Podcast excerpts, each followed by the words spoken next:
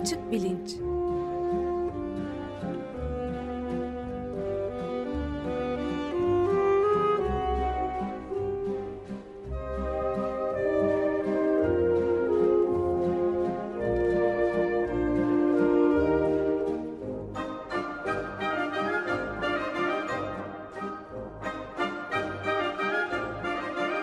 Güven Güzeldere ile bilim ve felsefe sohbetleri.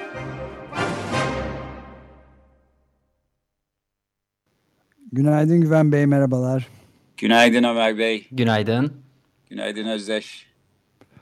Evet, bugün e, konuğumuz yok. E, komplo kurgularına devam ediyoruz.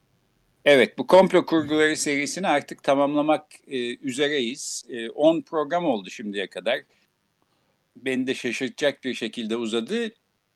En son geçen hafta Kerem Karaosmanoğlu'yla yazdığı komplo teorileri kitabı üzerinden konuşmuştuk. E, şimdiye kadar hangi tür kurgular, komplo kurguları e, sınıflamasına girer, hangileri girmez? Bu komplo kurgularının e, ortak özellikleri neler? Bu tür kurgulara inanan insanların ortak özellikleri neler? E, bunların hepsini konuştuk. E, nasıl bir zihin yapısı komplo kurgularına eğilimli kılıyor insanı? E, işte bunu da bir parça anlatmaya çalıştım falan. Artık bu bahsi aslında kapatmanın zamanıdır. Yalnızca son iki programda bu hafta ve bir aksilik olmazsa gelecek hafta komplo kurguları ile karşılaştığımızda nasıl bir akıl e, yürütme doğru olur. E, bundan konuşmak belki e, ilginç ve faydalı olabilir diye düşünüyorum. Özellikle komplo kurgularının e, yalnızca e, işte böyle çok çekirdek bir küçük kümeye e, ait olmadığını, en azından komplo kurgularına yönelik düşünmenin daha kapsamlı e, olduğunu düşündüğüm için e, sıkça komplo kurgusu olarak belki adlandırmayacağımız konularda da komplo kurgularına karşı akıl yürütürken izlediğimiz e, muhakeme tarzının aslında geçerli ve faydalı olabileceği kanısındayım. Biraz bunlardan e, bahsedelim istiyorum. E, bu seriye ilk başladığımda transandant e, akıl yürütme diye bir şeyden söz etmiştim. E, bunu tabii çok kabaca bir benzetmeyle söylüyorum. Bu felsefede kullanılan bir akıl yürütme türü. Bir iddianın kendisi doğru mu yanlış mı diye doğrudan bakmak, onu desteklemek ya da çürütmek yerine bu iddiayı doğru kılacak olan koşullar nelerdir? Hangi ön koşulların gerçekleşmiş olması gerekir ki bu iddia doğru olabilsin şeklinde bir akıl yürütme tarzı bu. Transandant ya da aşkın olması biraz bundan. Yani iddianın kendisinden ziyade o iddiayı doğru kılabilecek ya da o iddianın doğru olmasına imkan verebilecek, verecek e, koşullara bakıyor. Komplo kurguları üstüne düşünürken bu tür akıl yürütmenin ben özellikle faydalı olabildiğini, olacağını düşünüyorum. Biraz bundan bahsetmek isteyeceğim, e, istiyorum. Bunun birkaç nedeni var. Yani daha önce de konuştuk. Mesela biliyoruz ki komplo kurguları bir türlü yanlışlanamayan şeyler. Yani ne nasıl bir bilgi ya da bulgu ya da veri getirirseniz getirin e, komplo kurgularına inananlara onların e, fikrini kolay kolay değiştiremiyorsunuz. Hatta getirdiğiniz tam karşıt e, kanıt olarak getirdiğiniz veriler bile bazen komplo kurgusunu destekliyormuş gibi bir izlenim veriyorlar.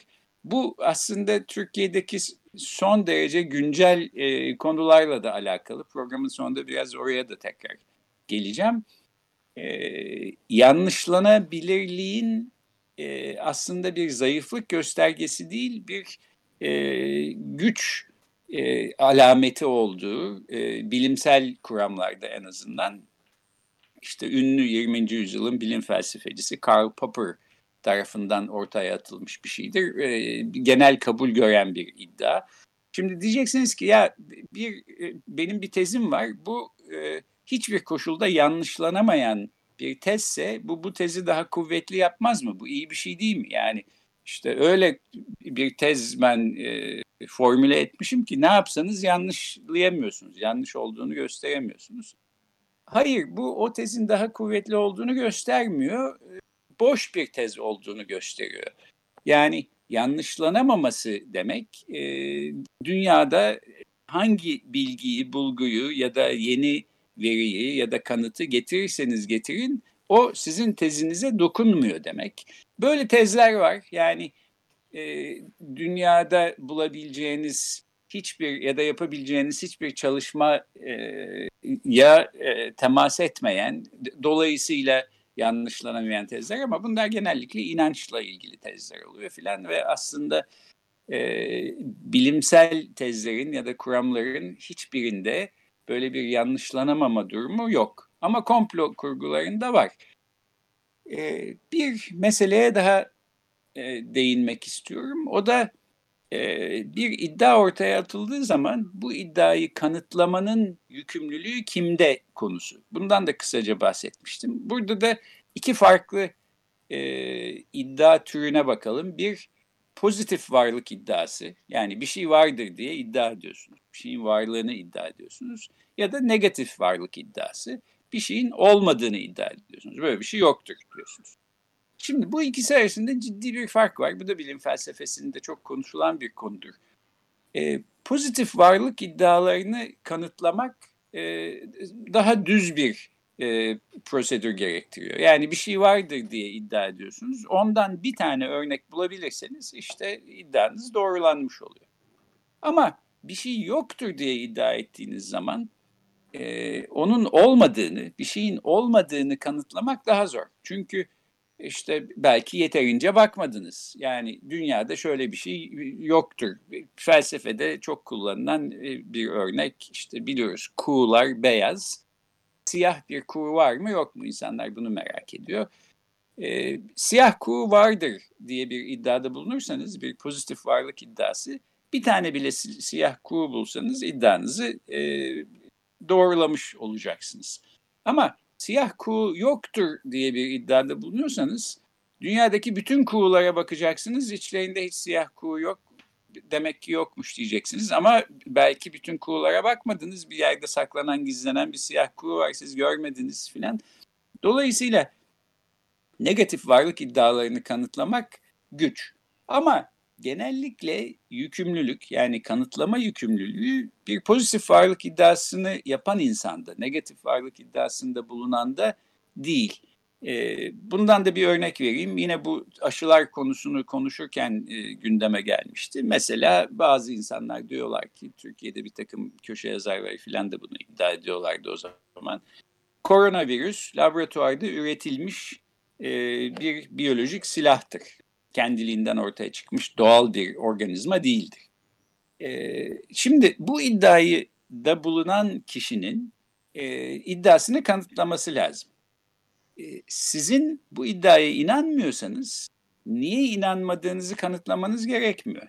Yani yeterince inanmanız için sebep yok. Dolayısıyla inanmıyorsunuz. Ama Türkiye'de bu durum tersine çevrilmiş vaziyetteydi. Özellikle sosyal medyada ben bunu çok görüyordum. Pek çok insan diyor ki e, koronavirüsün laboratuvarda üretilmiş bir silah olduğuna, biyolojik bir silah olduğuna inanmıyorsun. Kanıtla o zaman. Biyolojik bir silah olmadığını kanıtla. Yani e, bir negatif varlık iddiasını kanıtlaması isteniyordu insanlardan. Oysa tabii böyle bir yükümlülük yok. Yani e, laboratuvarda üretilmiş bir silahtır tezini destekleyecek yeterince ortada argüman ya da bilgi ya da bulgu yoksa ben buna inanmak zorunda değilim. Olmadığını e, kanıtlamak zorunda da değilim. E, bu meseleler e, yine bir e, birkaç hafta önce bahsettiğim uhrevi olanla dünyevi olanın birbirine karıştırılması e, durumunda daha da içinden çıkılmaz hale geliyor aslında. Burada şimdi güzel bir başka örnekten daha bahsetmek istiyorum. Bunu e, birkaç ay önceki bir programda Kamusla Güreş'te Kerem Doğan anlatmıştı, öyle hatırlıyorum. Çay ninesi diye bir geleneksel inanç var e, Karadeniz'de, Azerbaycan'da, Gürcistan'da, işte Rusya'nın e, bazı kesimlerinde filan. E, bu inanca göre çay ninesi adı verilen bir ruh var ve bu ruh e, insanların e, işte yüksekten çaylara, nehirlere, derelere baktığı zaman başlarının dönmesine ve bazen e, düşmelerine sebep oluyor. Şimdi niye sebep oluyor bu iyi bir ruh mu kötü bir ruh mu filan bunları bir kenara bırakalım ama siz işte bir asma köprünün üstünden gidiyorsunuz Artvin'e gittiniz diyelim bir dereyi geçmeniz lazım başınız döndü. E, arkadaşınız diyor ki ya bak çay ninesi senin başını döndürdü. Siz de ona ya ben inanmam öyle batıl şeylere inanma bu çay ninesinden değil bunun bin tane başka sebebi var. Yani vertigo olabilir, iç kulak iltihabı olabilir işte filan e, nörobilim bunları bize anlatıyor diyorsunuz. Arkadaşınız da size o zaman çay ninesinin olmadığını kanıtla bana diyor. Bu sizin kanıtlamakla yükümlü olduğunuz bir durum değil. E, bunun altını çizmeye çalışıyorum. Zaten çay ninesi diye bir şey yoksa yani bu bir inanç içinde yer alan folklorik bir öge ama aslında dünyada böyle bir unsur, e, böyle gerçek bir unsur yoksa bunun olmadığını kanıtlamanıza da imkan yok. Ama kanıtlamaya çalışmanıza gerek de yok.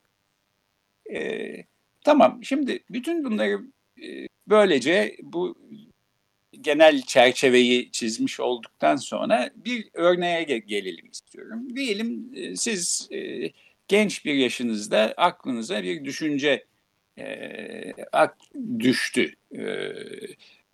Şöyle düşünüyorsunuz, bir şekilde buna inanır oldunuz. Dünyayı yöneten, bu da bir tür komplo kurgusu aslında, e, karanlık emelli, kötü niyetli küçük bir topluluk var ve dünyadaki bütün kötülükler bunların başından çıkıyor. E, bu topluluk da üç farklı gruptan oluşuyor. E, bu gruplardan bir, bir tanesi masonlar, e, bir tanesi komünistler, bir tanesi de Yahudiler. E, son derece dahiyane bir e, orijinallikle bu e, gruba da Maskomyah diye bir isim verdiniz. Mason, komünist, Yahudi diye. Ve e, dünyaya bu mercekten bakıyorsunuz. Yani bu Maskomyah yüzünden oluyor ne oluyorsa bütün kötülükler e, diye. Masonlar, komünistler, Yahudiler bir araya gelmiş işte böyle. E, özellikle Türkiye'ye karşı bin tane oyun çeviriyorlar, operasyonlar yapıyorlar filan. Şimdi siz buna inanmıyorsunuz diyelim. Ama bu iddiayı çürütebilir misiniz? Yani ortada bir maskomyah örgütü olmadığını e, kanıtlayabilir misiniz? Bu, bu çok zor, belki imkansız. Nasıl kanıtlayacaksınız? Çünkü bir kere zaten örgüt tanımı gereği e, gizli bir örgüt. Gizli, evet. Evet, siz bulamıyorsunuz diye böyle yapılmış. E, ama transandant akıl yürütmeyle düşündüğümüz zaman aslında biraz daha e, birkaç adım daha konuda atabilmemiz mümkün. Yani şöyle düşünülebilir. Peki maskomyah diye bir şey olsun gerçekten. Bunun olması için hangi koşulların gerçek olması gerekir? Mesela masonlarla ko- komünistlerin e, bir arada işbirliği yapabilecek ve birbirlerini seven e, ortaklar olabilmeleri gerekir. Şimdi buna imkan ihtimal yok. Çünkü hiçbir komünist bir e, mason örgütüyle birlikte bir işbirliği yapmak istemez. Masonlar da komünistleri yanında istemezler yanlarında. Niye istesinler yani? Yahudilerin bununla ne alakası var? Zaten e, burada Yahudileri böyle yekpare bir e, grupmuş gibi e, varsaymak hem antisemitik hem ırkçı bir durum. E, yani diyebilirdiniz ki belki işte peki masonlar ve sosyal demokratlar ve budistler aslında bu kötülüğü yapıyorlar. Massos bud, maskomyah değil bu filan. O belki biraz daha yatkın olurdu. Ee, bunu bunu bir e, şaka olarak parantez içinde alın. Ee, yani bu maskomyah düşüncesi böyle akla ziyan bir şey aslında.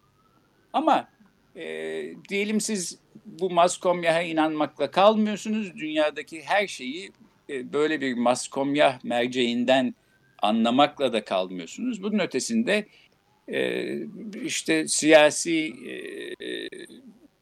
düşünceleri olan, e, motivasyonları olan, e, üstelik yetenekli bir hatip olan bir insansınız. E, işte kitleleri peşinizden sürüklemeyi beceriyorsunuz filan. Günün birinde öyle bir güç elinizde toplanıyor ki bu maskomyah türü saçmalıklara inanmayan insanların da hayatlarına doğrudan etkide bulunacak bir yere gelmiş oluyorsunuz. Şimdi bunu ben Türkiye'deki güncel bir konuya bağlamak istiyorum. Osman Kavala davası. Ee, en başta şunu söyleyeyim. Genel olarak ben tarihin bireyler üzerinden e, okunmasını doğru bulmuyorum. Hatta buna bir antipatim var. E, sempati duymadığım bir şey. Genellikle e, yaklaşımım da bu değil.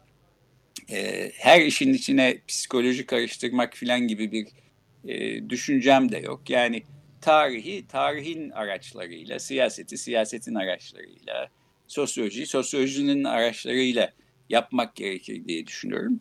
Fakat bazı durumlarda giderek şöyle düşünmeye başladım. Bazı özel koşullarda e, gücün tek kişinin eline toplandığı e, otokratik e, rejimlerde, ülkelerde yani tek bir kişinin ağzından çıkan şeyin kanun hükmünde e, sayıldığı neredeyse durumlarda o kişinin ağzından çıkan şey niye çıkıyor? O kişinin kafasından neler geçiyor?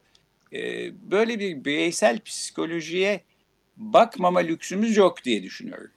Her şeyi bu bireysel psikoloji açıklar filan diye düşünmüyorum. Genel olarak da bireysel psikolojinin işte tarih çalışırken pek bir yeri olmadığı kanaatindeyim filan ama e, bazen e, açıklayıcı bir unsur haline gelebiliyor kanısındayım.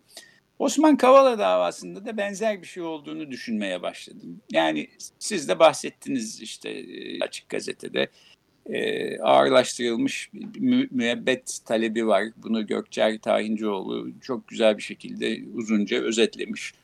E, diyor ki orada e, Kavala ile ilgili suçlamanın temeli iki ismin telefon sinyallerinin birbirine yakın baz istasyonlarından alınmasının aynı mahallede bulunduklarını gösterdiği savıymış. Şimdi yani ortada doğru düz bir delil yok belli ki. Henry Barkey diye bir adamla aynı mahallede bir ara bulunmuşlar. Belki birisi bir yerde yemek yiyordu, öbürü de oradan taksiye, taksiden iniyordu filan öyle bir şey. E, fakat bu da en başta söylediğime döneyim. Aslında e, bu komplonun burada bir komplo kurgusu olduğu kanaatindeyim. Ben bu komplonun sa- sanki daha da kuvvetlendiren bir şeymiş gibi ortaya konuyor. Yani gerçekten işte e, Henry Barkey ile Osman Kavala dost olsalar, buluşmuş olsalar, uzun saatler boyu işte bir kafede oturup sohbet etmiş olsalar bu zaten işte bak e, delil sana diye e, ortaya konacak. Böyle olmamış.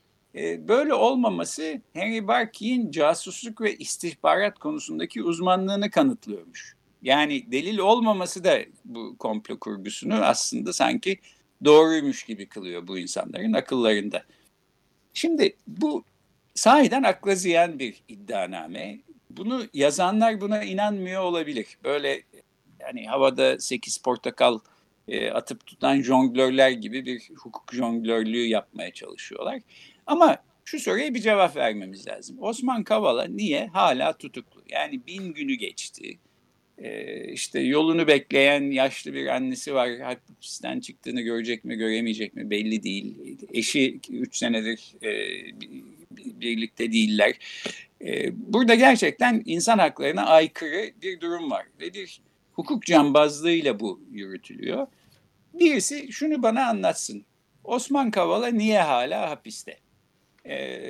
Mesela bir e, birkaç ay önce Profesör Ali Nesin matematikçi bir e, demeç vermişti hatırlıyorum. Orada diyor ki ya ben düşünüyorum, taşınıyorum, her şeyi anlıyorum ama Osman Kavala'dan ne istiyorlar? Niye bu adam bunca zamandır hapiste? Bunu anlayamıyorum diyor. E, şimdi tabii dünyaya e, komplo kurguları merceğinden bakan bir kişi hiç olmadığından Ali Nesin bunu anlayamıyor diye düşünüyorum ben. Ve biraz bu komplo kurguları fikrine işte bu maskomyah merceğinden dünyayı anlamanın burada önemli bir unsur olabileceği kanaatindeyim.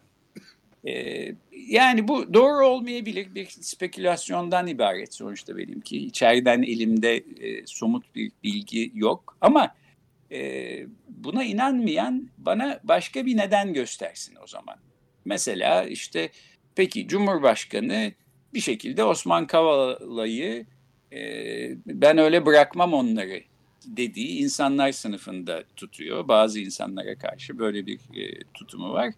Ve e, işte ne, ne yapıp edip e, içeride tutulması için e, yargıyı bu şekilde yönlendiriyor diyelim. E, peki ama niye? Yani kendisine mesela bir siyasi tehdit oluşturacak insanların, rakiplerin bir listesini yapsanız bu listenin en başlarında yer almaz Osman Kavala. Çünkü o tür siyasi e, faaliyetleri olan bir insan değil.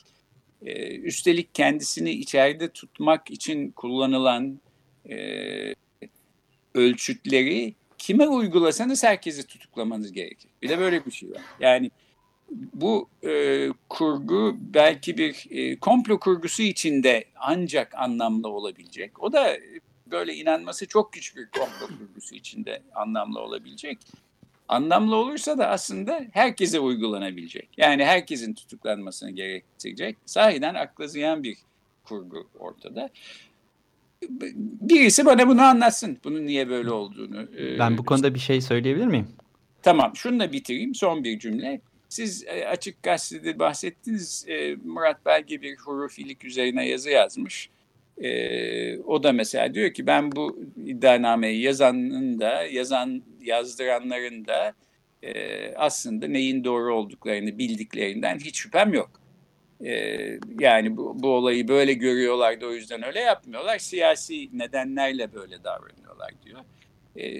Niye hiç şüphesi yok? Doğrusu ben hiç bundan emin değilim. Yani hangi neye dayanarak hiç şüphem yok diyor. Ee, ben kendi önerdiğim tez için hiç şüphem yok diyemiyorum ama böyle bir şeyin doğru olabileceği kanaatindeyim ve ortada başka bir açıklamanın olmaması beni giderek e, belki de böyle bir e, bu dünyaya maskomya merceğinden bakmanın e, da bir e, fonksiyonu olarak, bir neticesi olarak e, böyle bir durum ortaya çıkıyor gibi e, e, bana bana böyle gösteriyor en azından. Gezi olaylarına olan yaklaşım da aslında bu düşüncemi kuvvetlendiriyor.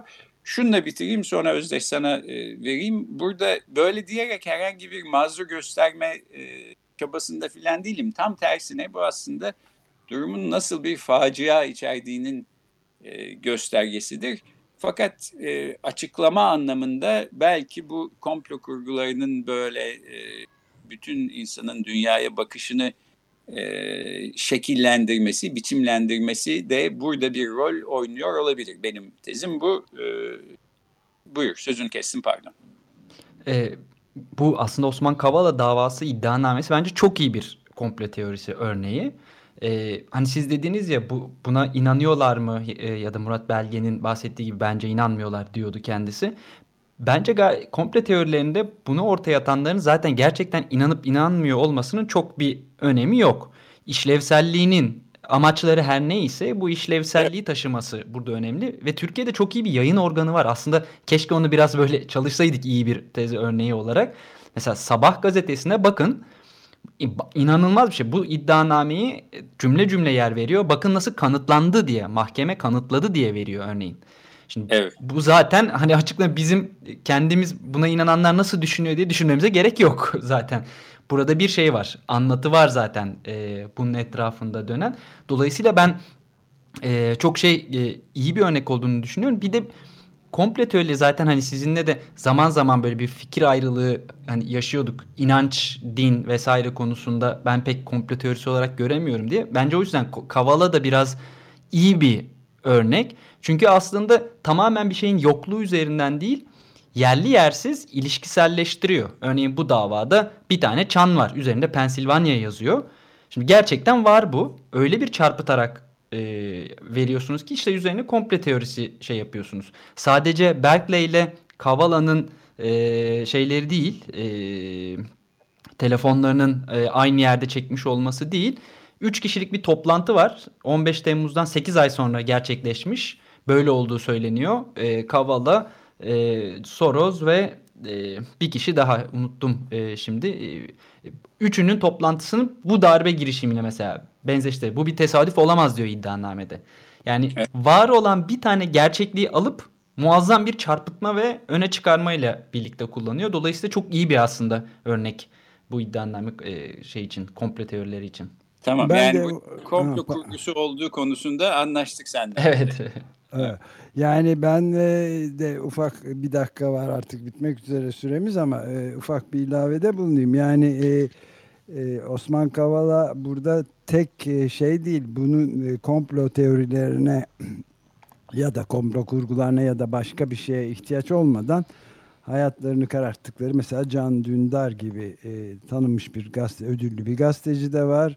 Ya da Türkiye'nin önde gelen yazarlarından Ahmet Altan ve e, önde gelen gene ekonomistlerinden akademisyenlerinden Mehmet Altan kardeşi gibi insanların da subliminal mesaj ver, verme suçuyla hala içeride. Bir Ahmet Altan öyle mesela. Can Dündar'ın da evet. mülküne el konması var. Yani burada e, komplo teorisinin ya da komplo kurgusunun sizin deyiminizle bir önemi yok. Yani esas olan e, kullanılan araçlardan bir tanesi. Neye inanıp neye inanmadıklarının e, fazla bir önemi olmadığı düşüncesindeyim ben de Özdeş gibi.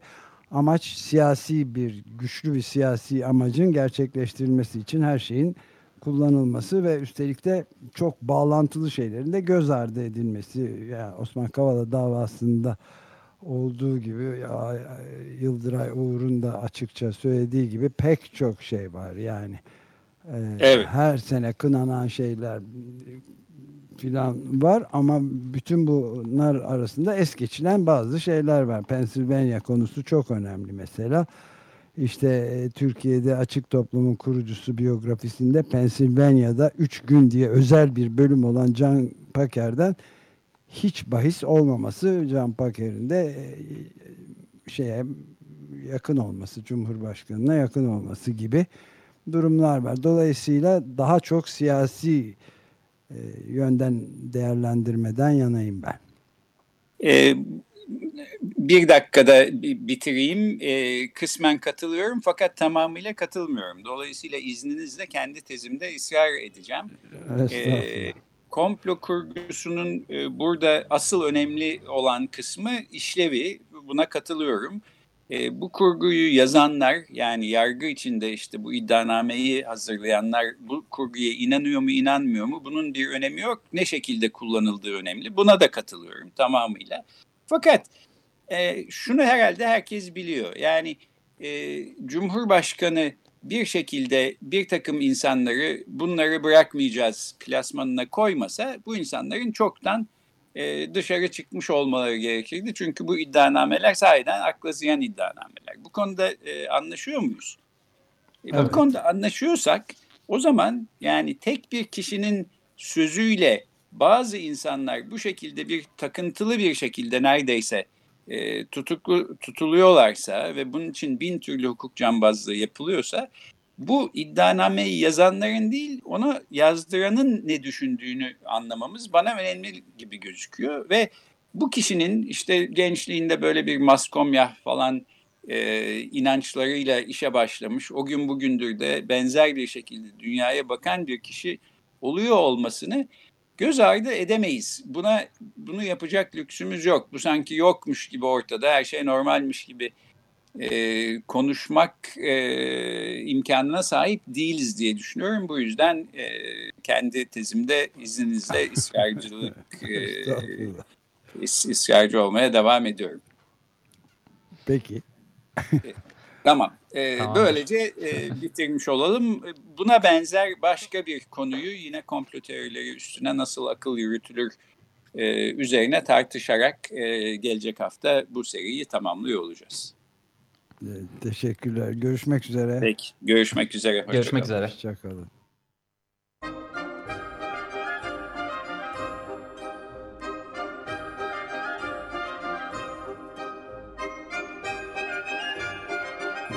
Açık Bilinç